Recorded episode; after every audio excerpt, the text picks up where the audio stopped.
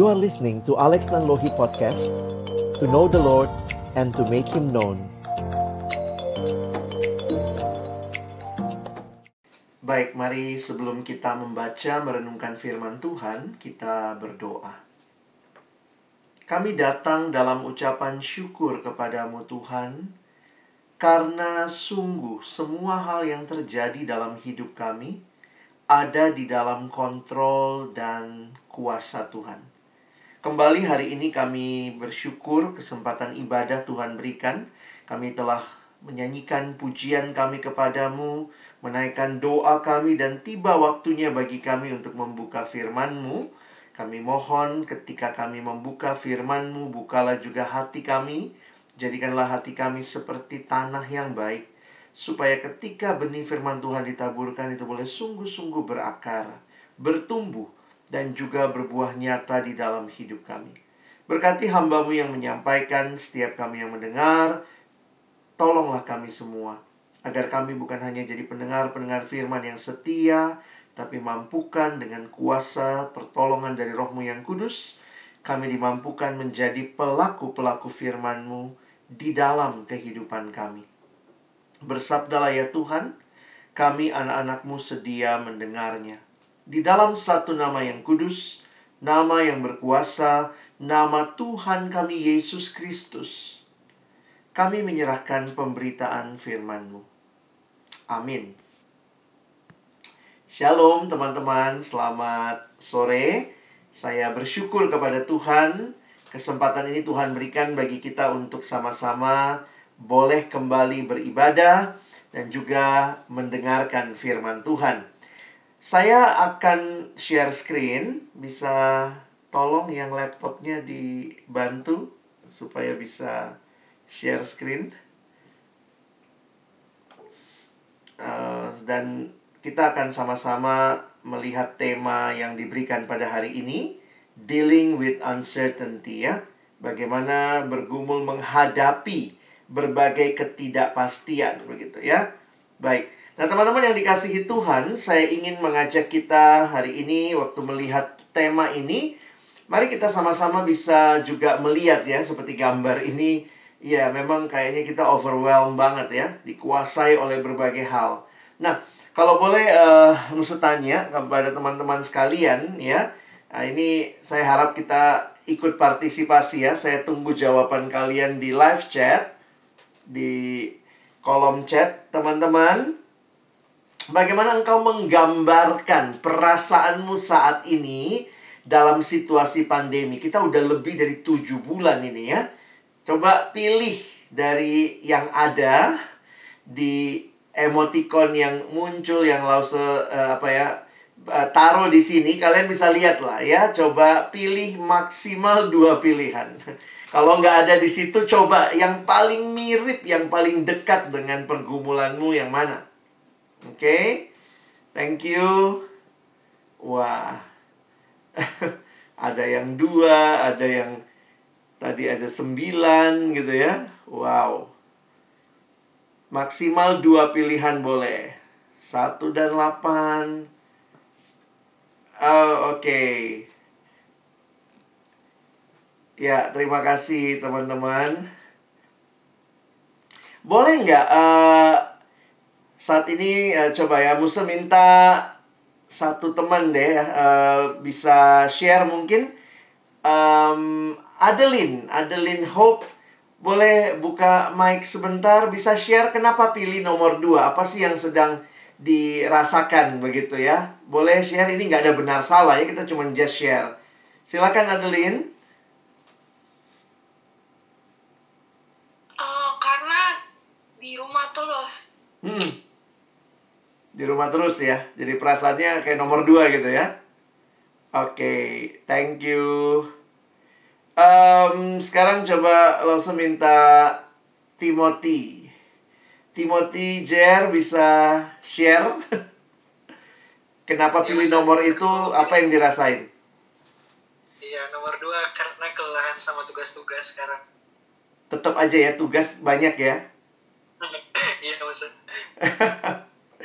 Iya, iya. Baik, terima kasih. Jadi, uh, ini kira-kira yang mewakili teman-teman juga ya. Tentu ada yang juga senang aja gitu ya. Tapi biasanya mixed feeling ya. Situasi seperti ini uh, banyak orang yang mengalami mixed feeling. Apalagi di tengah-tengah uh, seperti tema kita. Ada banyak ketidakpastian yang terjadi di sekitar kita. Jadi memang kalau kita lihat masalah corona ini ini bukan cuma masalah kesehatan bukan cuma bicara virus yang kecil yang tidak terlihat, tapi ini sudah jadi masalah dunia, masalah kesehatan menjadi masalah sosial, masalah ekonomi, masalah pendidikan, masalah pekerjaan begitu ya, semua ya terkait. Jadi orang terbiasa dengan work from home, beberapa ada yang sudah mulai masuk juga, saya tahu tapi tetap juga protokol kesehatan begitu kuat harus dilakukan Bahkan juga ini ya, kita sudah terbiasa nampaknya dengan ibadah online ya. Kayaknya udah tahu hari apa ya. Kadang-kadang ini cuma apa ya uh, banyak yang nggak mandi juga kali ya. Yang penting pokoknya di depan laptop, di depan TV atau depan HP, lalu siap ibadah begitu ya. Dengan sikap hati yang benar tentunya, tapi kadang-kadang sikap tubuh nggak benar ya, sambil tiduran, sikap uh, hormat juga memang sulit ya dikontrol ya. Saya nggak tahu apakah semua walaupun kita pakai baju bagus atasnya eh bawahnya celana pendek begitu ya. Jadi ini situasi yang nggak mudah. Belum lagi teman-teman yang mahasiswa online studi itu juga sekali lagi ternyata tidak lebih gampang gitu ya. Tidak lebih gampang. Kalau teman-teman perhatikan gitu ya, banyak yang kelelahan karena tugas yang menumpuk. Jadi dosen tuh kayaknya rasanya dosa banget gitu ya kalau nggak ngasih tugas ya. Karena situasinya kayaknya kamu santai di rumah saya harus kasih tugas. Nah bayangkan kalau kita punya tujuh mata kuliah tujuh dosen semua pikirannya begitu ya. Pokoknya saya nggak akan biarkan satu inci pun kamu malas begitu tapi juga nah, situasi ini juga untuk beberapa teman yang mungkin lebih lowong waktunya bahkan malam-malam dipakai gitu ya. Bisa nonton drama Korea begitu. Bisa langsung uh, binge watching gitu ya. Dan beberapa teman dengan game online. Dan itu nampaknya jadi jadi hal-hal yang sangat umum sekarang ini dan kalau kita tahu juga bahwa penggunaan internet itu sangat tinggi saat ini karena akhirnya semua dilakukan melalui media-media yang ada dan juga ini realita yang menyedihkan, tidak sedikit juga yang terjebak di dalam pornografi dalam situasi seperti ini. Jadi, teman-teman saya harus ingatkan bahwa waktu bicara tema hari ini saya juga sadar begitu ya bahwa ketidakpastian ini banyak sekali aspek yang mungkin muncul karena juga realita kondisi yang kita alami. Kita sudah masuk ke dalam new normal tapi ya kalau kita mau bicara jujur di hadapan Tuhan dengan situasi seperti ini, banyak dari kita yang mungkin juga punya ketakutan akan masa depan. Fear of the future. Masa depan ini akan seperti apa? Buat beberapa teman yang lulus kuliah ternyata tidak mudah lulus di situasi ini menjadi sarjana pandemi di mana ternyata tidak hanya studi belajar jarak jauh yang begitu melelahkan, tapi juga aktivitas mencari pekerjaan, mengirim lamaran, menunggu jawaban, dan kita nggak tahu nih what next. Apakah bisa bekerja dengan cepat? Kalaupun bekerja, bagaimana sektor usaha bisnis yang sedang teman-teman apply? Mungkin juga ini jadi situasi-situasi yang menakutkan bagi kita. Nah, teman-teman, uh, sore hari ini saya ingin mengajak kita melihat ya bahwa bagaimana di tengah-tengah berbagai situasi yang ada, kita bisa tetap punya keyakinan yang teguh, ya paling tidak itu. When we deal with uncertainty, we need to have a firm, ya, ada firm conviction, firm understanding terhadap sesuatu yang always certain. Saya pikir itu mungkin hal yang kita udah sering kali dengar ya. Kita tahu menghadapi ketidakpastian ya pegang yang pasti. Tapi juga realitanya yang sering kali muncul adalah kita sendiri punya ekspektasi yang berbeda. Nah, hari ini Uh, coba tolong teman-teman untuk melihat ini ya. Nanti kalau ada waktu sedikit kita bisa diskusi. Tapi saya ingin mengajak kita melihat ini satu cerita yang tentunya sudah sering juga dihotbahkan dalam situasi pandemi begitu ya. Tapi ini juga salah satu kisah yang terus waktu saya renungkan jadi kesan yang mendalam. Yesus dan murid-murid menghadapi situasi yang tidak mudah ya. Kalau dalam uh, judul yang diberikan oleh Lembaga Alkitab Indonesia, angin ribut diredakan. Teman-teman ingat ini adalah awal pelayanan Yesus. Masih di Markus pasal 4, ya. Nah, apa yang kita lihat nanti sama-sama saya ajak kita baca ayatnya. Di sini saya tuliskan ayat-ayatnya sudah ada di depan, silakan teman-teman lihat. Pada hari itu, waktu hari sudah petang, Yesus berkata kepada mereka, ya kepada murid-muridnya, marilah kita bertolak ke seberang mereka meninggalkan orang banyak itu, lalu bertolak dan membawa Yesus beserta dengan mereka dalam perahu, di mana Yesus telah duduk dan perahu-perahu lain juga menyertai dia. Nah, teman-teman, kalau kita lihat, wah ini kok bisa dengan perahu dan seterusnya. Kalau kalian ingat bahwa Tuhan Yesus memanggil murid-muridnya, salah satunya adalah dari para nelayan. Dan apa yang menarik, uh, Yesus biasa mengajar dari atas perahu. Nah itu juga salah satu tipsnya ya, karena nggak ada mic gitu ya. Yesus memanfaatkan angin begitu ya. Jadi ketika dia berkhotbah dari uh, perahu kepada orang-orang yang mendengar di pantai, angin membawa suara itu bisa terdengar dengan lebih jelas. Nah, jadi salah satu juga cara untuk menghindari orang banyak adalah naik ke perahu itu lalu bertolak dengan perahu itu. Itu biasanya yang terjadi kalau Yesus juga mau istirahat.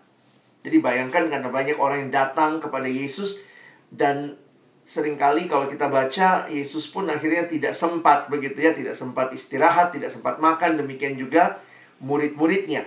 Nah, gambaran tentang perahu nelayan Galilea dalam penyelidikan arkeologi ini ya, salah satu yang ditemukan. Jadi ya kira-kira panjangnya itu 8,1 meter kali 2,3 meter kali 1,4 meter.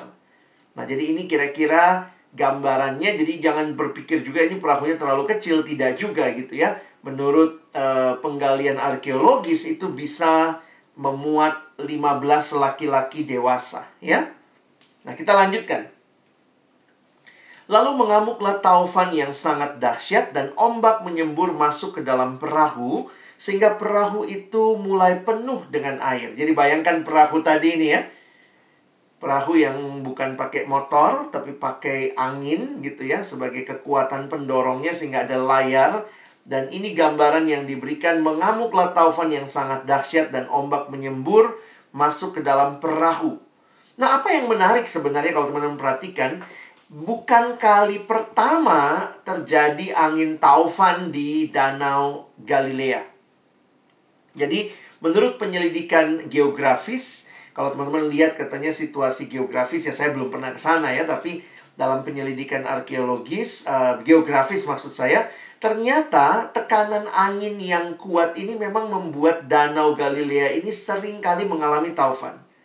Karena letak Danau Galilea secara geografis itu di bawah permukaan laut. Nah, jadi bisa kita bayangkan begitu ya. Mungkin sama kayak teman-teman juga pernah ke Danau Toba mungkin yang orang Batak begitu. Kalau ke Danau Toba tuh atau mungkin di Manado apa Danau Tondano begitu ya itu kelihatannya tenang sekali ya. Tapi kalau di Danau Toba juga ada ini ya, ada taufannya gitu. Kadang-kadang kalau lagi cuaca buruk itu sampai kita tahu ada perahu yang tenggelam dan seterusnya, itu mungkin tidak bisa kita jelaskan dengan uh, pemikiran kita, tetapi itulah yang terjadi secara uh, geografis. Jadi sekali lagi ini bukan taufan pertama yang terjadi, ini sudah sering terjadi taufan ya tapi perhatikan bahwa taufan kali ini nampaknya berbeda. Karena di dalam ayat 38 dituliskan, pada waktu itu Yesus sedang tidur di buritan di sebuah tilam. Nampaknya Yesus kelelahan gitu ya, capek saudara ya. Lalu kemudian Murid-muridnya membangunkan dia dan berkata kepadanya, "Guru, engkau tidak peduli kalau kita binasa?" Memang ini bukan taufan pertama, tapi taufan kali ini nampaknya sangat dahsyat. Kira-kira begitu ya. Dari mana kita bisa lihat? Perhatikan paling tidak dari kalimat murid-muridnya ini. Teman-teman, jangan lupa, murid Yesus bukanlah orang yang nelayan baru. Ya mereka sudah jadi nelayan waktu Yesus rekrut mereka. Berarti mereka adalah nelayan-nelayan yang terampil yang handal yang memang tempat kerjanya di danau Galilea. Tapi bayangkan kalau nelayan yang sehari-harinya cari nafkah di danau itu yang juga pastinya bukan menghadapi taufan ini sebagai taufan pertama tapi kalau mereka sampai ketakutan Nah, itu kira-kira poinnya ya. Bahwa ternyata uh, ini kali ini taufannya sangat-sangat berbeda. Jadi saya sekali lagi waktu merenungkan ini, bayangkan ya, kalau nelayan yang biasa hadapin taufan ngomong ini luar biasa, guru engkau tidak peduli kalau kita binasa. Ya, coba kita lihat ya, ini di terjemahan sederhana Indonesia TSI saat itu Yesus sedang tidur di buritan. Buritan itu adalah di bagian belakang perahu, ya. Dengan kepala di atas bantal. Lalu murid-muridnya membangunkan, "Guru, kenapa kau tidak peduli? Sebentar lagi kita akan tenggelam dan binasa." Jadi dari kalimat ini kita bisa simpulkan bahwa ini taufan yang tentunya bukan pertama kali tetapi nampaknya lebih dahsyat dari taufan-taufan yang lain dan bahkan murid-muridnya nelayan yang begitu terampil pun harus begitu ketakutan, begitu ya. Menarik sekali respon Yesus di ayat 39. Ia pun bangun, menghardik angin itu, dan berkata kepada danau itu, Diam, tenanglah. Lalu angin itu reda, dan danau itu menjadi teduh sekali. Ayat 40, lalu ia berkata kepada mereka, Mengapa kamu begitu takut? Mengapa kamu tidak percaya? Dan ini ayat terakhir, ayat 41. Mereka menjadi sangat takut dan berkata seorang kepada yang lain, siapa gerangan orang ini? Sehingga angin dan danau pun taat kepadanya. Nah, teman-teman, saya ingin kita melihat kisah ini ya sebagai satu kisah yang menarik. Bagi saya menarik karena ada di awal pelayanan Yesus. Sedikit refleksi yang mau saya ajak kita untuk memahami. Saya melihat situasi ini mungkin tidak alegoris ya, tetapi reflektif aja bahwa ada banyak kesamaan yang terjadi antara apa yang dialami para murid dengan kita saat ini. Mereka ada di tempat di mana mereka biasa bekerja, biasa cari nafkah, biasa hidup, mereka sehari-hari ada di Danau Galilea. Di situ mereka cari makan, cari hidup begitu ya. Tetapi kali ini sama seperti kita, kita tetap ada di rumah kita di Indonesia, di daerah kita, tapi terjadi sesuatu yang Ya kalau bicara masalah kesehatan kan kita sering juga lah ya Demam berdarah Indonesia begitu ya masalah ekonomi udah sering juga gitu. Masalah kesehatan, ekonomi, pendidikan juga ada masalah. Tapi kali ini masalahnya tuh extraordinary. Pandemi ini beda-beda banget sama masalah-masalah yang biasa atau pernah kita alami. Bayangkan ya, gara-gara virus ini aja kita udah berapa lama di rumah kadang-kadang nggak nggak nggak habis pikir gitu ya virus yang nggak kelihatan ini bikin kita yang yang kayaknya manusia begitu me, apa begitu kuat harus bersembunyi. Dan teman-teman bagi saya mari kita coba lihat ya waktu kita refleksikan situasi ini apa sih respon wajar kita waktu mengalami uncertainty?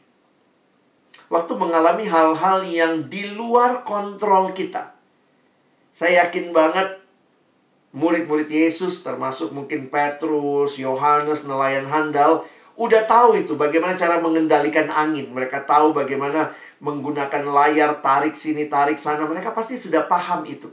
Tapi kalau mereka saja sampai putus asa, dan kemudian kesimpulan akhirnya kita bakal binasa, mereka pun jadi sadar begitu ya, ini nggak biasanya. Pertanyaan yang saya ingin kita refleksikan, apa sih yang sering kali kita rasakan ketika kita mengalami krisis dalam kehidupan? Krisis-krisis yang kita alami, saya pikir memang bukan cuma COVID ya. Sebenarnya kan hidup kita itu rangkaian krisis ya. Krisis mau ujian, wah itu krisis juga krisis mau hadapin masa depan, waktu mesti cari pekerjaan gitu ya. Krisis waktu menggumulkan pasangan hidup, begitu lagi senang sama seseorang, bagaimana menyatakannya itu krisis-krisis dalam kehidupan tuh banyak. Nah, ketika murid-murid dalam ayat ini menghadapi satu hal yang tidak pasti luar biasa, atau boleh saya pakai istilah tadi ya, di luar kontrol mereka apa yang kira-kira mereka rasakan ya. Dan mungkin itu juga yang kita rasakan ya. Teman-teman lihat ada ada ada pertanyaan yang saya mau kita refleksikan. Itu muncul di ayat 38. Lihat kalimatnya. Guru, engkau tidak peduli kalau kita binasa? Nah, saya pikir sebagai orang-orang yang berelasi dengan Tuhan, kita kan bukan orang yang nggak kenal Tuhan ya. Tetapi ternyata realita yang kita alami ketika pergumulan hidup begitu kuat, jangan-jangan juga bisa seperti ini. Ngomongnya sih Tuhan ya, tapi sebenarnya kita sedang meragukan kasih Allah. Murid-murid berpikir, guru engkau tidak peduli. Ya mungkin karena mereka lihat Yesusnya kok tidur begitu ya.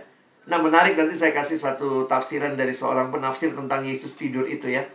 Tapi ya mungkin kita bisa bilang Yesus kelelahan ya, Yesus juga butuh istirahat. Tapi bayangkan kalau badainya begitu kencang, Yesusnya tidur, itu kan kayaknya, ha?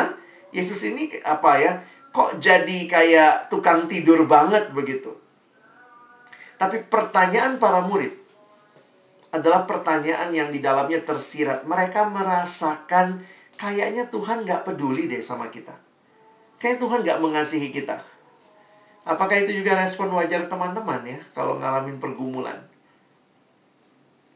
Ketika kita nggak kena langsung coronanya sih santai. Tapi begitu kena langsung, jangan-jangan ini jadi respon kita. Tentu nggak mudah ya. Mengerti kasih Allah bagi saya akhirnya memang nggak mudah. Ketika seorang teman dalam dua hari, orang tuanya kena corona, dalam dua hari, hari ini papanya meninggal, besoknya mamanya yang menyusul. Wah, mereka shock. Cuma dua bersaudara dan bagi mereka tuh sangat mengejutkan. Dan pertanyaan-pertanyaan seperti ini saya harus katakan adalah uh, realita yang wajar. Tuhan kenapa? Tuhan Tuhan kayaknya nggak mengasihi saya begitu ya. Nah ini yang pertama yang mungkin muncul dan yang kedua yang muncul dari apa yang Yesus tanyakan kepada murid-muridnya. Lalu ia berkata kepada mereka, "Mengapa kamu begitu takut? Mengapa kamu tidak percaya?" Jadi ada perasaan ketakutan, teman-teman. Dan how we deal with uncertainty. Gimana kita menghadapi ketidakpastian yang mungkin sekali pertama kita merasakan Tuhan kayaknya lagi nggak peduli sama kita. Dan yang kedua, kita mungkin sedang mengalami ketakutan. Nggak tahu bagaimana melangkah. Nanti ke depan bagaimana ya? Cari kerja tuh gimana masa corona begini? Masa nggak corona aja susahnya luar biasa. Apalagi plus corona begitu ya. Nanti kalau dapat kerjaan tapi gimana ya kalau ternyata uh, aku harus dirumahkan atau bagaimana. Bahkan bagi beberapa teman yang sudah bekerja pun saat ini penghasilan dipotong, dirumahkan, semua nggak gampang. Lalu lebih pusing lagi kita karena kita nggak tahu sampai kapan corona ini. Tadi Timothy bilang mungkin sampai tahun depan kak kita bakal kerja apa kuliah dari rumah begitu ditambah lagi wow karena vaksinnya pun juga masih dalam tahap uji klinis nggak mudah nah teman-teman apa yang saya ingin kita lihat? Jadi gimana sebenarnya kita ini harus meresponi situasi? Gimana kita meresponi ketidakpastian? How we deal with uncertainty? Apa sih yang firman Tuhan nasihatkan buat kita? Sekali lagi, perhatikan kalau kalian ada Alkitab cetak, bagus juga kalian buka. Perhatikan ini adalah bagian awal Injil Markus. Dan bagi saya, kisah ini jadi kisah yang menarik. Karena sesudah kisah ini, terus diceritakan bagaimana murid-murid bersama Yesus. Bagaimana murid-murid bersama Yesus. Karena, nah ini kesimpulan saya, life is a journey with Jesus. Hidup adalah sebuah perjalanan bersama Yesus. Dan kuncinya apa? Karena perjalanan itu kita jalani bersama Yesus, kuncinya tadi ada mengapa kamu tidak percaya? Jadi saya tuliskan begini ya. You can trust God to write your story. Jadi memang teman-teman nggak mudah ya. Percaya itu nggak mudah sekali lagi. Tapi itulah sikap yang Tuhan mau dari kita. Sehingga bangunlah kehidupan rohanimu yang terus belajar percaya. Saya pikir itu sebenarnya bukan hal yang klise, Kadang-kadang kita udah tahu lah ya, ampun sore ini dengar firmannya itu lagi. Gimana menghadapi ketidakpastian? Peganglah yang pasti. Tapi memang realita memegang yang pasti itu is not easy. Nggak mudah buat kita. Tapi saya ingin mengajak teman-teman melihat begini ya. Bahwa sebenarnya melalui peristiwa ini, kalau perjalanan hidup adalah perjalanan bersama Yesus, maka sebenarnya refleksi terdalam dari setiap kita selesai kita mengalami sebuah pergumulan adalah pertanyaan ini. Siapa Yesus buat kita?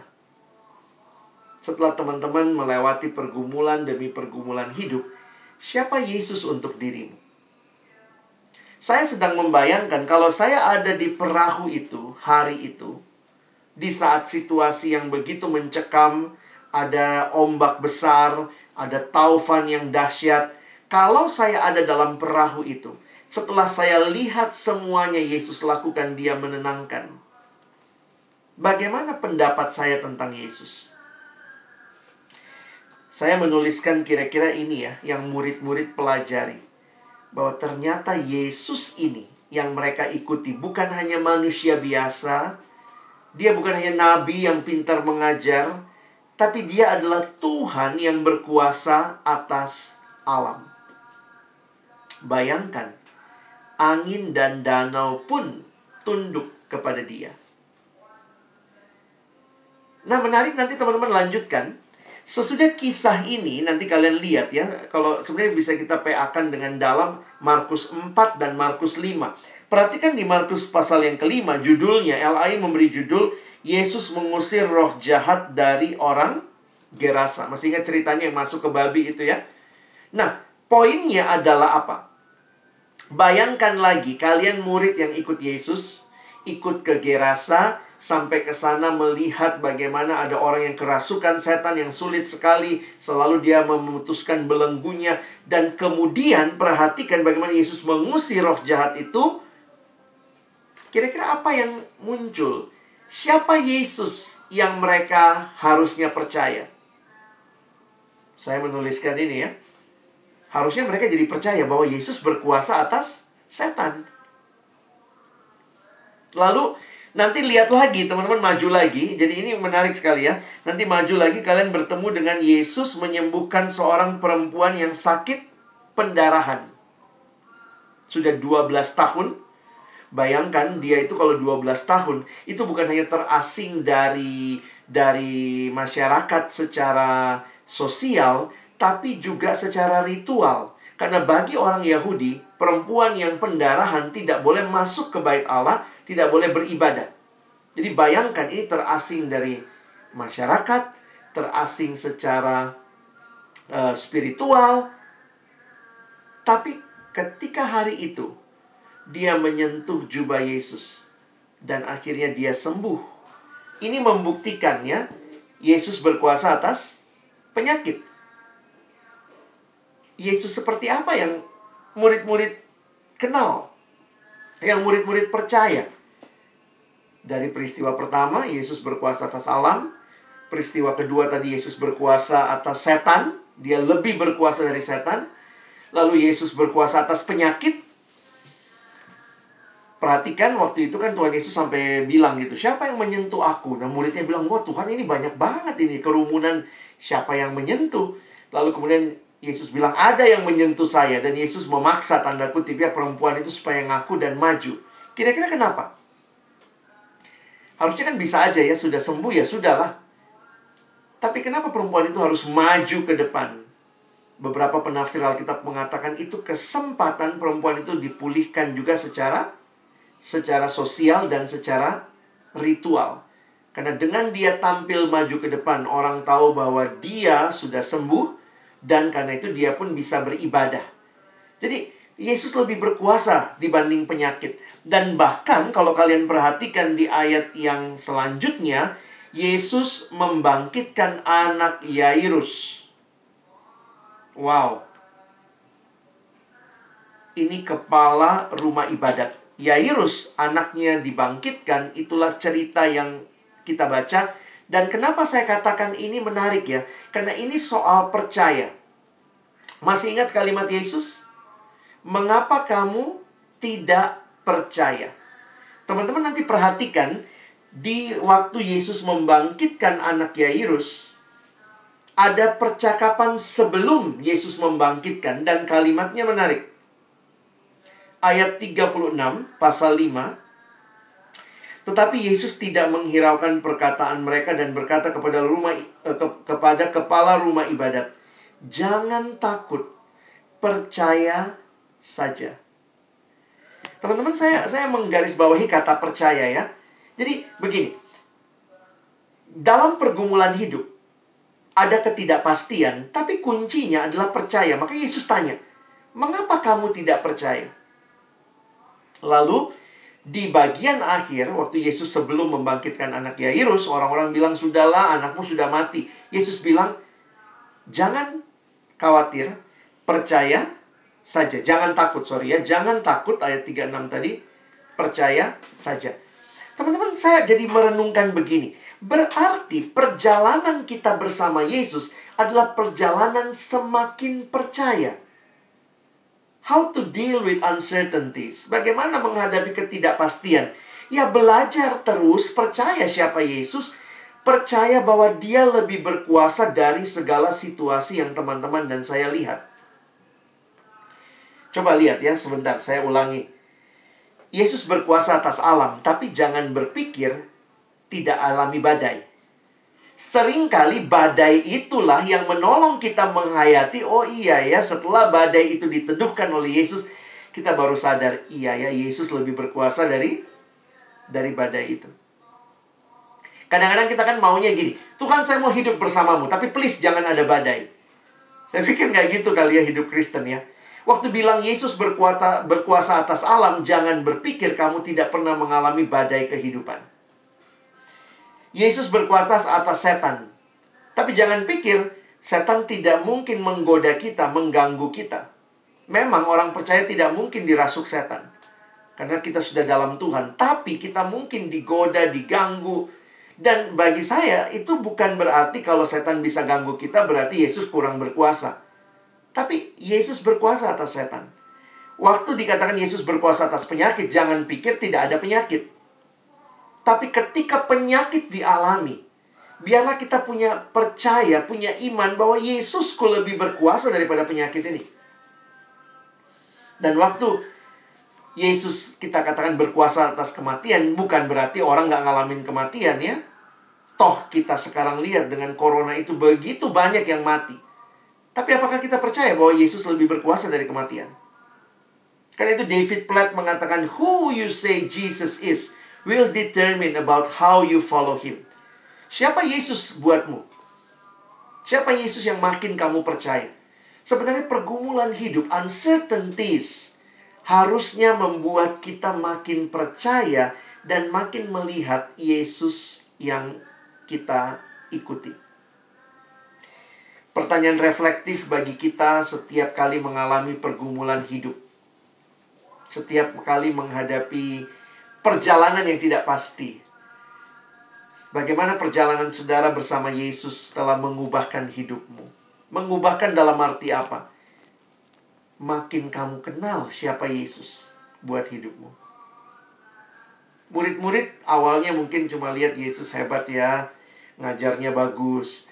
Tapi waktu dia berjalan bersama, bagaimana mereka kenal Yesus berkuasa atas alam? Ada badai, diizinkan terjadi Bagaimana mereka tahu Yesus lebih berkuasa atas setan? Waktu ada pergumulan ketemu orang kerasukan diusir ke sekian babi begitu ya. Sekian ribu babi, wah itu kerugian besar sekali tuh. Tapi dari situ mereka sadar, wow, Yesus lebih berkuasa daripada si setan. Bagaimana mereka sadar Yesus lebih berkuasa dari penyakit? Ketika ada yang mengalami penyakit. Jadi pertanyaan saya begini, jangan lihat hanya kepada apa yang saudara alami. Aduh kak, susah banget nyari kerja sekarang. Aduh, susah banget belajar sekarang. Tapi sebenarnya begini, apa yang makin kamu kenal tentang siapa Yesus dalam hidupmu? Salah satu yang kita butuhkan dalam situasi seperti ini adalah mengenal Yesus sebagai pengharapan kita. Ya. Ini beberapa refleksi saya sebagai bagian penutup pengharapan kita akhirnya kita sadar ya bukan dari dunia. Bahkan sekarang waktu kita lagi harapkan uh, vaksin segala macam, saya juga pikir ya manusia melakukan usaha yang maksimal. Tapi pengharapan kita tuh bukan dari manusia, bukan dari para dokter semata-mata, dari Allah. Kalimat Alkitab Yesaya 2 ayat 22 Jangan berharap pada manusia Sebab ia tidak lebih daripada embusan nafas. Dan sebagai apakah ia dapat dianggap? Tuhan seperti mengingatkan kita terus bahwa ya Tuhanlah pengharapan sejati. Saya pikir corona ini juga membuat kita jadi makin sadar ya manusia terbatas. Uh, yang harusnya nolong juga begitu rentan terjangkit. Jadi memang sulit ya Akhirnya kita jadi makin memahami Yesuslah pengharapan sejati. Saya kutip kalimat Paul David Tripp. Dia berkata berharap adalah gaya hidup. Poinnya dia seharusnya ini jadi gaya hidup kita. La hope is a lifestyle. Dia jelaskan begini ya. Harapan kita membentuk cara hidup kita. Harapanlah yang membuat yang menyebabkan kita membuat keputusan-keputusan yang kita ambil. Karena itu kurangnya harapan membuat kita merasa mandek dan tanpa motivasi. Hope itu menarik teman-teman ya. Mungkin ini sedikit perenungan tentang pengharapan. Saya saya simpulkannya begini. Seringkali kita merasa orang yang paling menderita itulah yang paling menyedihkan di dunia ini. Wih, sedih banget ya dia orang menderita banget. Saya pikir bukan orang yang menderita yang uh, paling menyedihkan di dunia ini orang yang paling menyedihkan hidup dalam dunia ini adalah orang yang gak punya pengharapan. Karena saya melihatnya, ada orang-orang karena dia punya pengharapan, dia rela menderita. Ada yang begitu ya?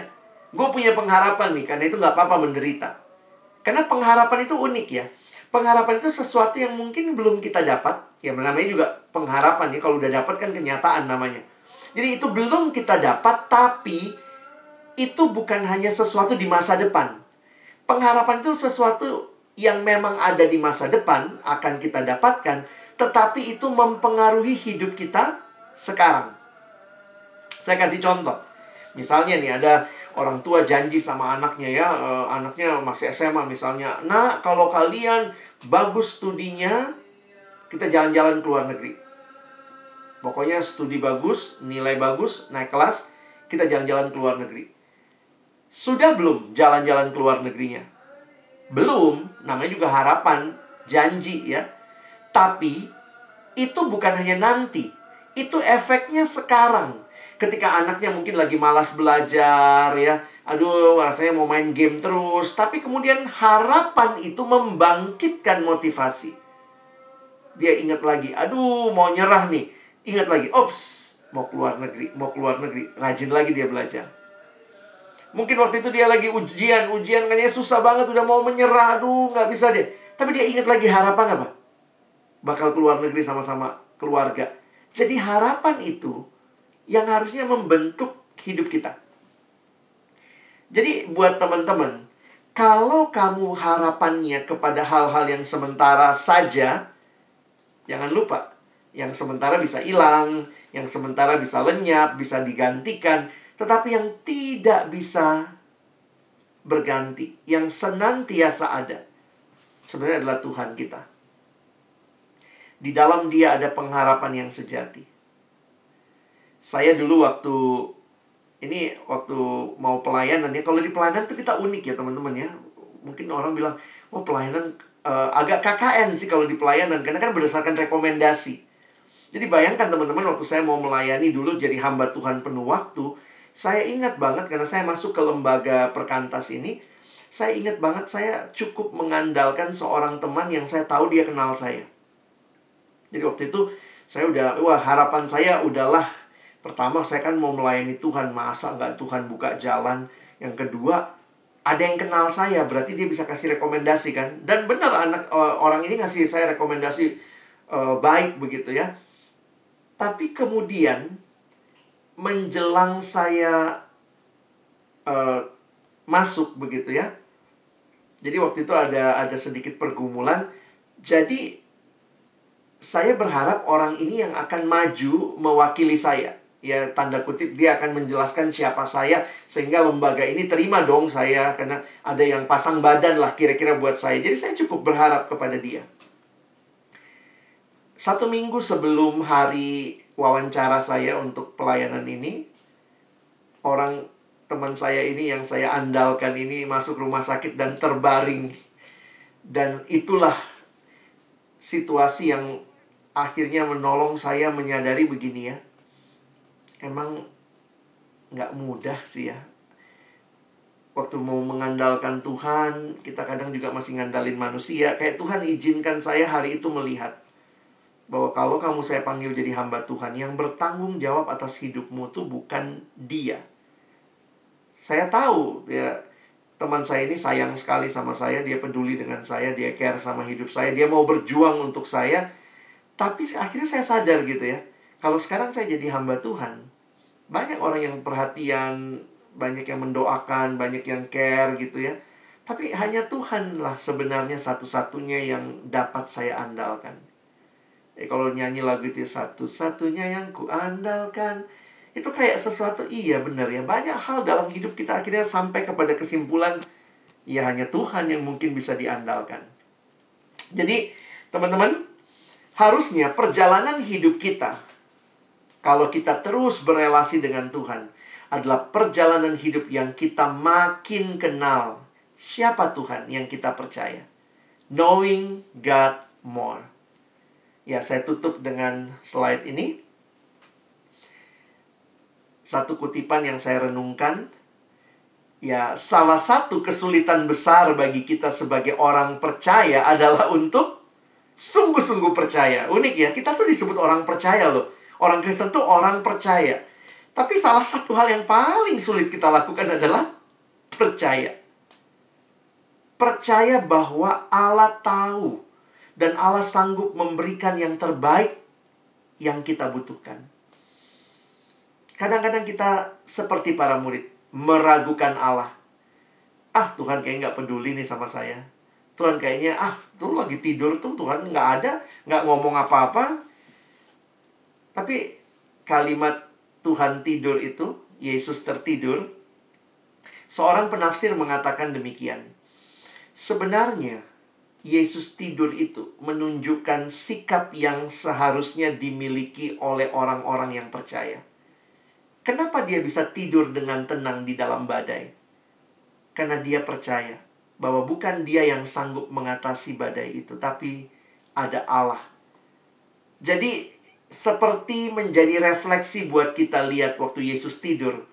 Harusnya kita juga bilang begini, kalau saya percaya sama Allah, saya juga bisa tidur dengan nyenyak gitu. Ya bukan berarti kita nggak bertindak ya. Tapi ini kan uh, refleksi ya.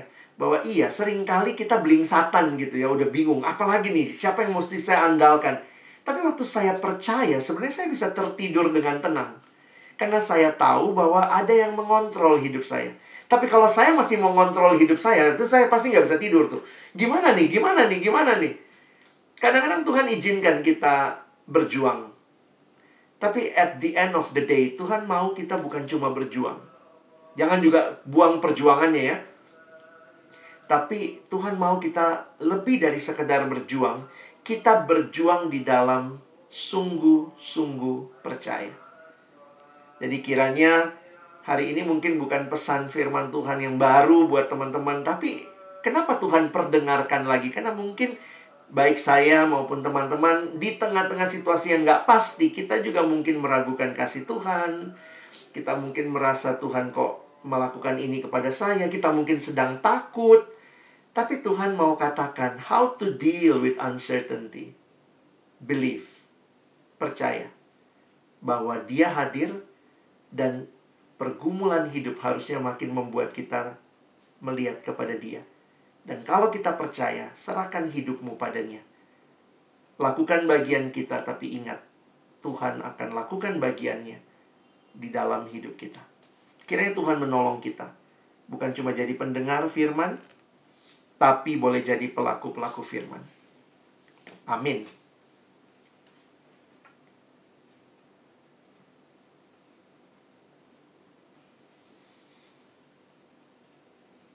Mari kita berdoa dulu menutup firman. Bapak Surgawi, terima kasih.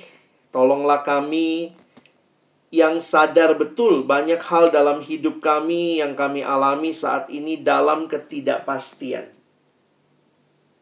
Hal yang pasti adalah kehadiranmu.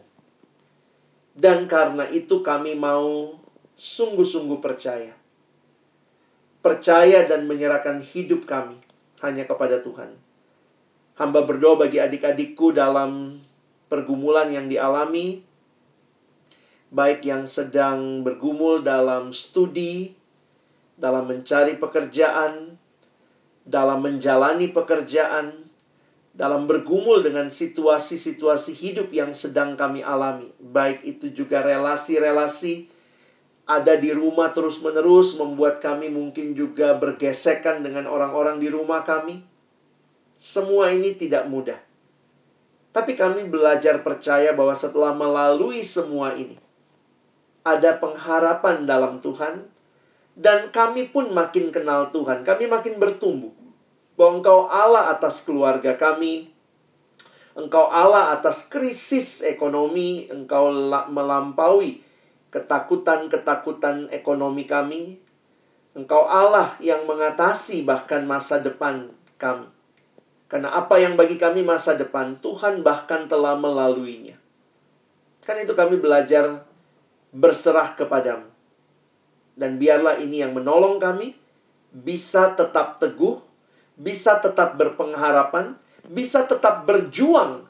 Karena pengharapan itu memberikan kami motivasi Pengharapan itu memberikan kami daya juang yang tinggi.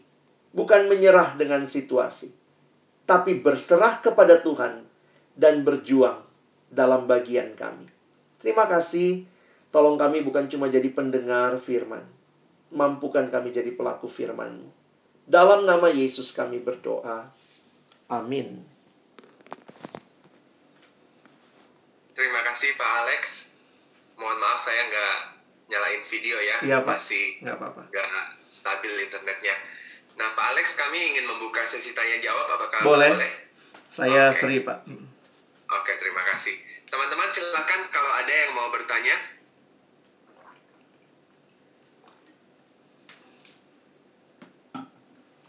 Masa mau nanya bisa eh bisa bisa mau nanya Ya, bisa silakan. Silakan. Ya. Oke, Musa nama saya Randy. Iya. Um, Musa saya mau nanya. Em, kadang-kadang tuh em, sebagai orang percaya ya, saya yakin teman-teman percaya.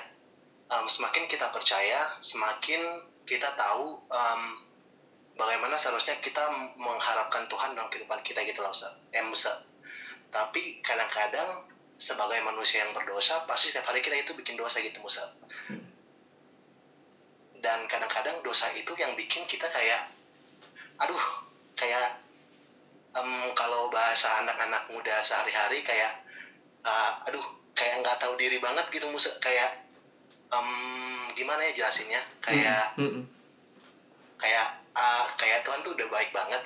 dan dan saya gue tahu nih nah, gue nggak bisa bikin kayak gue tuh bakalan dapat jalan keluar dari masalah itu kalau mis kalau misalnya tuh uh, uh, Tuhan gitu yang kasih jalan tapi kayak gue bukan saya gue pengen nyamperin Tuhan Hmm. gitu Musa, buat kayak menghadapi masalah-masalah tapi ada beberapa yang bilang kayak tapi ada beberapa pikiran yang kayak bilang udahlah lu udah jarang banget ibadah terus kayak lu udah bikin dosa mulu dan dan kayak lu nggak malu kalau misalnya lu berharap tapi lu kayak tidak mengikuti firmannya Hmm. dan kayak dan kayak kayak gitu terus kayak bikin uh, kalau bikin saya misalnya itu ini dari saya pribadi sih Hmm. Kayak saya tuh merasa kayak aduh kayak kayak gue tahu nih gimana gue bisa survive di kehidupan yang sungguh, sungguh tidak teratur kayak gini adalah berharap kepada Tuhan gitu Hmm. tapi kayak walaupun cuma berharap seharusnya tuh gue harus kasih feedback yang bagus juga Hmm.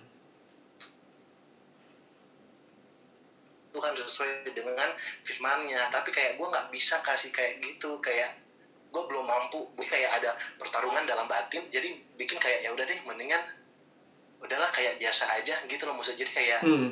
dan jatuhnya dengan kayak gitu sih pada masalah bukan berdoa malah mengeluh gitu Musa Oke. itu gimana ya cara mengatasi dengan dengan psikolog seorang dengan dengan dengan cara pikir seorang pemuda yang yang terlalu Hmm. egois dan begitu Musa makasih Thank you, Randy. Saya melihat jangan lupa bahwa kita sedang hidup di dalam dunia berarti belum ada dari kita yang sempurna. Itu satu bagian yang juga harus kita ingat di tengah-tengah. Kita pun sadar bahwa Tuhan memanggil kita untuk menjadi sempurna. Karena ada kalimat gitu ya, kuduslah kamu sebab aku kudus kata Tuhan. Eh, Tuhan mau kita bukan stay where we are. Ya, gue memang begini ya, sudah gue begini aja. Tuhan nggak mau seperti itu. Tuhan mau kita mencapai apa yang dia kehendaki bagi kita. Tapi Tuhan juga memberikan kepada kita realistis bahwa memang belum ada dari kita yang sempurna. Karena itu pergumulan dalam kita menghadapi dosa, mungkin yang tadi deal with sin, itu menjadi pergumulan seumur hidup. Dan bagi saya, di situ pentingnya kita tetap ingat firman Tuhan. Jadi harusnya memang pedoman kita tuh bukan kalimat-kalimat yang muncul di pikiran kita. Sebenarnya kalau kita lihat di Alkitab ya, itu yang biasanya disebut sebagai iblis itu kan sebenarnya accuser, pendakwa. Jadi salah satu bagian yang terus-menerus iblis akan lakukan adalah menuduh kita. Dan itu kalimat-kalimat yang tadi Randy bilang, itu kalimat-kalimat tuduhan ya. Ah, sudahlah, Tuhan udah baik banget sama kamu, masa kamu kayak begini? Udahlah, Tuhan udah buang kamu lah. Tuhan, ah, Tuhan gak mau kayak gitu sama kamu. Jadi itu sebenarnya kalau kita lihat secara spiritual, hati-hati. Itu tuduhan, tuduhan ya. Jadi uh, kalau kita pernah nyanyi lagu ya, uh, karena telah dilemparkannya para pendakwa kita jadi pendakwa itu si iblis dan antek-anteknya itu terus mendakwa hidup orang percaya ah Tuhan udah buang lu lah ah masa katanya anak Tuhan gila lu nggak bener lagi lu dosa lagi kan ah jadi beberapa kali dalam kehidupan ketika kita mengalami seperti itu nah sering kali yang kita pegang bukan firman Tuhan nah ini yang masalah maksudnya Uh, Musa apa ya yang kita pegang bukan firman Tuhan. Kita lebih mendengar apa kalimat iblis. Padahal kalau kita lihat firman Tuhan, Tuhan mau mengatakan begini. Aku tidak setuju dengan dosamu. Tapi untuk itulah aku tahu kamu tidak bisa keluar dari dosamu. Aku memberikan anakku Yesus Kristus bagi kamu. Dia sudah mati menggantikan kamu. Nah sekarang kalau kamu percaya kepadanya, kepercaya kepadaku, ayo hidup meninggalkan dosa. Jadi sebenarnya berita yang kita diberikan oleh Alkitab adalah berita sukacita bahwa bukan kita yang mengatasi dosa tetapi Kristus. Dan karena Kristus sudah mengatasi dosa, maka kalau sekarang kita di dalam Kristus, kita bisa menang melawan dosa. Jadi eh, jangan berpikir usaha kita yang bikin kita menang melawan dosa. Tidak. Hanya Yesus yang bisa menyelesaikan dosa dan kita berjalan dalam kemenangannya Kristus. Nah, jadi menariknya begini. Selalu yang iblis sering kali goyang dalam hidup kita adalah ini tentang dua hal ya. Pertama, status. Yang kedua, relasi, ya. Nah, ini yang kita mesti pegang firman Tuhan. Kalau kita berbuat dosa, sesudah kita percaya, jadi ya, kalau kita sudah percaya pada Tuhan, lalu kita berbuat dosa, apakah kita berhenti jadi anak Tuhan secara status? Tidak. Alkitab jelas mengatakan tidak. Karena kalau kita berbuat dosa setelah kita kenal Tuhan, maka kita Tuhan bisa ampuni. Tapi, apakah pengampunan itu membuat kita jadi lebih nikmati berbuat dosa? Saya pikir berarti kamu nggak ngerti kalau begitu. Kalau orang diampuni, dia akan mengerti pengampunan dan akan punya tekad tidak mengulangi, tidak melakukan, meninggalkan, tapi hidup bagi Allah. Nah, sering kali yang iblis goyang adalah, ah Tuhan sudah buang kamu, kamu udah bukan lagi anaknya. Tidak. Alkitab yang kita pegang, bukan perasaan kita. Kadang-kadang kita rasa kayaknya Tuhan udah nolak gua deh. Kayaknya Tuhan udah nolak gua. Jangan pegang perasaanmu. Peganglah apa yang Alkitab katakan. Kalau kamu berbuat dosa, datang kepada Tuhan, akui dosamu. Jika kita mengaku dosa kita, maka ia adalah setia dan adil sehingga ia akan mengampuni dosa kita dan menyucikan kita dari segala kejahatan. 1 Yohanes 1 ayat 9. Nah, perhatikan, kalau kita berdosa setelah kita di dalam Kristus, maka yang rusak bukan statusnya, tapi relasinya. Musuh ulangi. Sesudah kita dalam Kristus, waktu kita jatuh lagi dalam dosa, yang rusak itu bukan statusnya, tapi relasinya. Contoh, kalau kamu di rumah tinggal sama orang tua, terus kamu kemudian e, mecahin satu vas bunga kesayangan mama, itu luar biasa, mama sayang banget sama itu. Kamu pecahin itu. Pertanyaannya, kalau kamu pecahin itu, kamu berhenti jadi anak? Statusnya kamu tetap anak. Tapi yang rusak bukan statusnya, tapi relasimu. Ketemu mama takut. Aduh, nanti mama gimana ya? Aduh, nanti kalau saya gitu, pasti mama marah banget. Jadi kau udah siapin koper. Aduh, pasti diusir nih dari rumah. Diusir nih dari rumah. Ayo ngomong sama mama. Nah, begitu ngomong sama mama, mama, maaf, saya sudah siap diusir dari rumah. Terus mamamu mungkin ngomong gini, Alah, lebay amat, simpen tuh koper gitu ya. Kamu tetap anak. Nah, sekarang janji ya. Relasinya diperbaiki dengan apa? Kamu ngaku nggak? Iya mah, saya yang pecahin. Oke, sekarang mulai sekarang jangan lagi pecahin. Yang lain. Kan jangan pikir gini, wih, gile pecahin vas bunga kesayangan aja diampuni. Oke deh, mama mana? Mana mana TV? Mana kulkas? Saya mau pecahin semua. Itu orang yang nggak ngerti pengampunan. Begitu diampuni, dia sadar dan dia akan tidak mengulangi. Karena itu, gereja sampai hari ini teman-teman ke GKY, kalian ikut ibadah, ada pengakuan dosa. Pengakuan dosa bukan untuk mengatasi re, uh, status yang rusak, bukan. Karena statusnya nggak berubah. Waktu kita ngaku dosa, kita sedang menga, me, me, apa ya, memperbaiki relasi. Sekali lagi, waktu kita sudah dalam Tuhan, kita jatuh lagi dalam dosa. Yang harus kita lakukan adalah perbaiki relasinya. Gimana caranya? Ngaku. Gereja punya disiplin, seminggu sekali kita diminta mengakui dosa kita. Supaya memperbaiki relasi kita dengan Tuhan. Dan menariknya, Tuhan janji loh. Tuhan janji. Tuhan bukan bilang, e, coba deh kamu ngaku dulu. Oh, mudah-mudahan saya ampuni. Mudah-mudahan. Enggak, Alkitab berkata, jika kita mengaku dosa kita, Allah setia dan adil. Dia pasti mengampuni kita. Jadi buang jauh-jauh pikiran-pikiran yang tidak berdasarkan firman Tuhan. Ah, kayaknya nggak diampuni nih. Kayaknya Tuhan buang saya nih. Kayaknya gue berdosa banget nih. Kayaknya gue bejat banget. Nggak usah lagi datang sama Tuhan. Ah, Tuhan kayaknya nggak sanggup lagi nih. Buang itu. Itu ke, bukan bukan uh, pikiran-pikiran yang datang dari firman Tuhan ya. Jadi baca firman, sadari. Status tidak mungkin. Kalau sudah dalam Tuhan tidak mungkin hancur. Yang rusak relasi kalau yang rusak relasi, perbaiki relasi. Makanya mengaku dosa. Dan punya tekad tidak ulangi lagi. Kalau jatuh gimana? Ya balik lagi, datang lagi sama Tuhan. Apakah itu mempermainkan Tuhan? Ya kamu yang bisa bilang ya. Kalau kamu terus-menerus main terus sama dosa yang sama, berarti kamu kayak menyia-nyiakan pengampunan Tuhan. Tapi sekali lagi kalau kamu mau datang dengan tulus, Tuhan berjanji akan mengampuni dan menyucikan dan membaharuimu. Kira-kira gitu ya. Makasih banyak Musa. Sama-sama. Oke, apakah ada lagi teman-teman yang lain?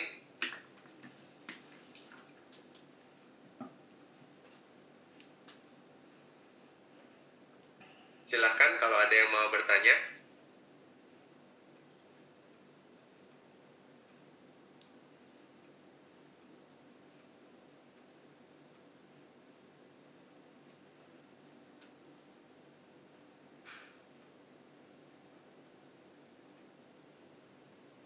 Oke, mungkin kalau belum Pak Alex saya tanya ya. Boleh Pak Sui? Oke, Pak Alex kan tadi kita belajar bahwa kita harus tetap percaya gitu ya, Iya. harus sungguh-sungguh percaya dan itu bukan berarti bahwa kita menyerah gitu ya, bukan berarti kita nggak berjuang lagi. Iya. Nah, apakah mungkin bisa sedikit apa ya? Apakah ada contoh gitu bagaimana kita berjuang di dalam kepercayaan kita itu? Hmm. Apakah ada contoh praktisnya gitu bagaimana? Iya. Hidup Kristen itu paradoks ya. Dalam arti sering kali misalnya ya eh, paradoks sama saya kasih contoh sebentar ya. Paradoks itu beda sama kontradiksi. Kalau kontradiksi itu misalnya kalau A benar, maka kontradiksi B pasti salah. Kalau B benar, A-nya pasti salah. Itu kontradiksi. Jadi satu fakta berlawanan dengan fakta yang lain. Tapi ada yang namanya paradoks. Paradoks itu begini. A benar, B benar, meskipun kelihatannya kontradiksi. Nah, dalam hidup beriman kita, jujur aja saya harus katakan banyak paradoksnya. Bukannya kontradiksi. Misalnya, Tuhan bilang, mintalah. Mintalah, carilah, ketuklah. Jadi Tuhan minta kita berdoa, minta. Tapi di sisi lain, sebelum kamu minta, Bapamu sudah tahu segalanya. Loh, Tuhan maha tahu. Kita disuruh minta. Nah, kadang-kadang kalau kontradiksi begini. Kalau Tuhan sudah tahu, ngapain minta? Kalau kita minta, berarti Tuhan nggak tahu dong. Nah, hidup Kristen itu bukan seperti itu. Kadang-kadang dalam Alkitab Tuhan bilang berjuang, tapi percaya. Nah, ini bukan kontradiksi, ini bukan saling meniadakan. Kalau saya berjuang berarti saya kurang percaya nih. Kalau saya percaya ya udah saya nggak usah saya nggak usah berjuang, nggak begitu juga. Saya lebih melihat paradoksnya itu seperti rel kereta api yang dua ya. Jadi kayak rel ya kita kita butuh yang mana? Rel kiri apa rel kanan? Jangan bilang kan sekarang ada monorel pak. Enggak, ini kita bicara rel dua nih. Kalau ada dua rel, mana yang kita lebih butuh? Rel kiri apa rel kanan? Ya dua-duanya untuk berjalan dengan baik kehidupannya. Karena itu tips saya, kalau kita bertemu dengan paradoks dalam hidup, itu bagian kita bukan memilih. Tetapi lakukan dua-duanya. Tuhan minta kita berdoa, ya berdoa. Tuhan tahu, ya Tuhan tahu. Tapi Tuhan tahu bukan berarti kita nggak berdoa. Nah, prinsip yang sama mungkin bisa kita terapkan kepada yang tadi Pak Sui tanya. Eh, beriman itu, yaitu berjuang. Berjuangnya seperti apa? Mungkin kalau saya perhatikan dari kisah yang kita baca tadi, saya pikir murid-murid pasti berjuang ya. Ber- berjuang mengendalikan layar. Karena mereka sampai ngomong, Tuhan kok nggak peduli, kita hampir binasa, kita akan tenggelam. Cuma murid-murid itu dalam ketidakyakinan ya. Atau mereka beriman apa sorry mereka berusaha berjuang tanpa keyakinan. Dan itu sebenarnya menyedihkan. Ada badai ada. Tapi badai ini harus kita hadapi dengan percaya bahwa ada yang lebih berkuasa dari badai itu. Nah eh, perempuan itu itu menarik ya perempuan itu datang dengan keyakinan. Dan dia berjuang itu pasti nerobos orang banyak apalagi dia cuman ini ya dia sentuh jubahnya. Nah bagi saya eh, dia beriman dan berjuang. Mungkin pengalaman pribadi kalau praktis ya pak. Ketika uh, ya saya mengalami pergumulan juga ketika papa saya sakit. Jadi gimana ya kita percaya sama Tuhan dan kita minta mintanya ya kesembuhan gitu ya. Dan dalam keyakinan minta kesembuhan tapi kemudian belajar percaya akhirnya doanya begini. Minta sih Tuhan berikan kesembuhan buat papa, tapi jangan kehendakku tapi kehendakmu. Jadi ya kami ke dokter, ya bukan berarti kalau udah berdoa nggak ke dokter gitu ya. Ketika harus operasi ya operasi, ketika harus ini kami berjuang, kita cariin obat yang terbaik, kita lakukan semua. Nah, ketika papa saya mengalami kanker prostat eh, tahun eh, berapa tahun lalu lah ya, sekitar 10 tahun yang lalu, akhirnya eh, Tuhan kasih kesembuhan. Waktu itu papa sembuh dari kanker prostat stadium 4 dan itu di dalamnya yang menyembuhkan siapa? Ya Tuhan, pasti Tuhan yang nyembuhin ya.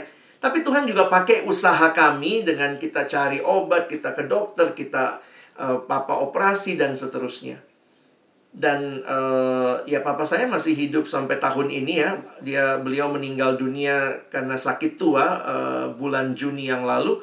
Tapi waktu itu saya jadi mengerti tuh apa artinya berjuang dan apa artinya percaya. Jadi percaya itu tidak meniadakan perjuangan, tapi kita berjuangnya jadi lebih motivated gitu. Karena tahu bahwa kita sedang meraih janji Tuhan. Tidak selamanya sembuh. Banyak kali juga dalam permohonan kita, Tuhan gak kasih kesembuhan. Yang terakhir ini kan papa saya juga sakit tua gitu ya. Kita kan, ya kita anak-anak kan doanya, Tuhan kasih pemulihan, bisa lebih lama lagi sama kami tapi Tuhan bilang, e, saya akan pulihkan dengan sesuatu yang jauh lebih indah. Ya Tuhan uh, panggil papa saya pulang 17 Juni. Dan itu bagi kami jawaban doa. Kita berjuang, kita berjuang. Papa meninggal, kita bawa ke rumah sakit. Waktu itu tiga hari di rumah sakit ya terus selesai gitu. Jadi poinnya berpercaya dan berjuang tuh bukan dua hal yang uh, kontras ya. Mungkin Kira-kira teman-teman bisa kaitin dengan misalnya ya, uh, ayo doa ya doa. Baca Alkitab ya baca Alkitab, tapi belajar ya belajar. Jangan pikir karena sudah doa baca Alkitab, pelajaran itu masuk sendiri dari buku nanti dia menyerap, nanti masuk ya. Mesti dibaca, di dipelajari gitu ya. Mungkin gitu, Pak. Oke, okay, thank you Pak Alex. Yeah. Memang susah ya buat kita untuk apa menyatukan ini ya yang yeah. seakan-akan kontradiksi tapi sebenarnya enggak gitu ya. Bagaimana kita percaya berserah tapi pada saat yang sama harus berjuang juga gitu ya. Tapi mungkin ini juga pak saya boleh tambahkan sedikit. Berjuangnya di dalam koridor kebenaran. Nah itu mungkin ya jadi saya juga menghayatinya begitu. Nah saya kasih contoh satu lagi kali ya. Saya pernah dengar itu di GKY juga ada satu hamba ada satu penerjemah waktu itu bersaksi dan dia cerita bagaimana saya lupa ya persisnya ceritanya tapi dia kena kanker. Ibu, seorang ibu dia kena kanker payudara dan sudah stadium lanjut. Dan waktu itu uh, ya kalau seperti itu kan keluarga-keluarga juga concern ya biasanya kalau seperti itu semua juga kasih saran dan dia disarankan pergi ke satu jadi setelah ke dokter, dokter sudah nyerah. Dia disarankan pergi ke satu tempat di Semarang dan di sana itu ada pengobatan alternatif. Nah, keluarganya cariin segala macam dan akhirnya dia berangkat ke sana. Nah, pengobatan alternatifnya itu katanya Kristen atau saya lupa Kristen atau Katolik, tapi kemudian dia pakai berbagai hal.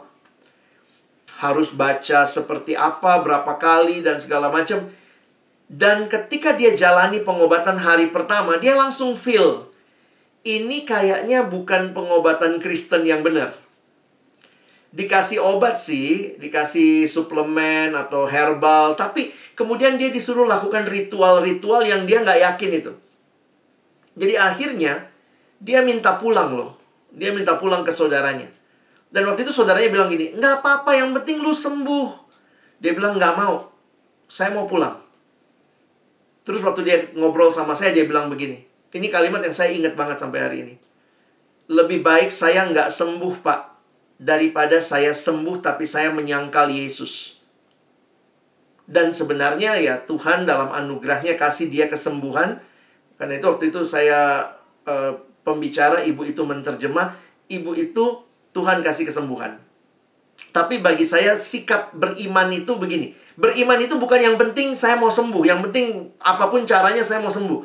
Tapi kalau caranya nggak sesuai firman Tuhan dari iblis, pakai cara-cara mistik yang nggak benar, kalaupun dia sembuh, jangan bilang itu dari Tuhan. Saya malah takut. Jadi bagi saya beriman berjuang itu pun beriman itu membingkai perjuangan kita. Jadinya karena kita tahu kita beriman pada Kristus, maka kita bingkai perjuangan kita ya. Kita nggak ke dukun, kita perginya ke dokter. Kita perginya ke herbal yang yang yang yang cuma ya namanya herbal bukan ini mesti minum herbal jam segini nanti mesti doa baca mantra ini jam segini. Kalau seperti itu saya pikir kita mungkin kita disebut berjuang tapi sebenarnya kita nggak beriman. Mungkin gitu kali Pak ya contoh yang lebih praktis juga. Thank you ya. Jadi memang berjuangnya itu harus dalam kerangka iman gitu Betul, ya. Betul, iya benar. Bukan hanya berjuang, berjuang bikin catatan nyontek gitu misalnya. itu berjuang banget ya. iya, baik, iya, iya. thank you. Oke teman-teman, apakah masih ada pertanyaan?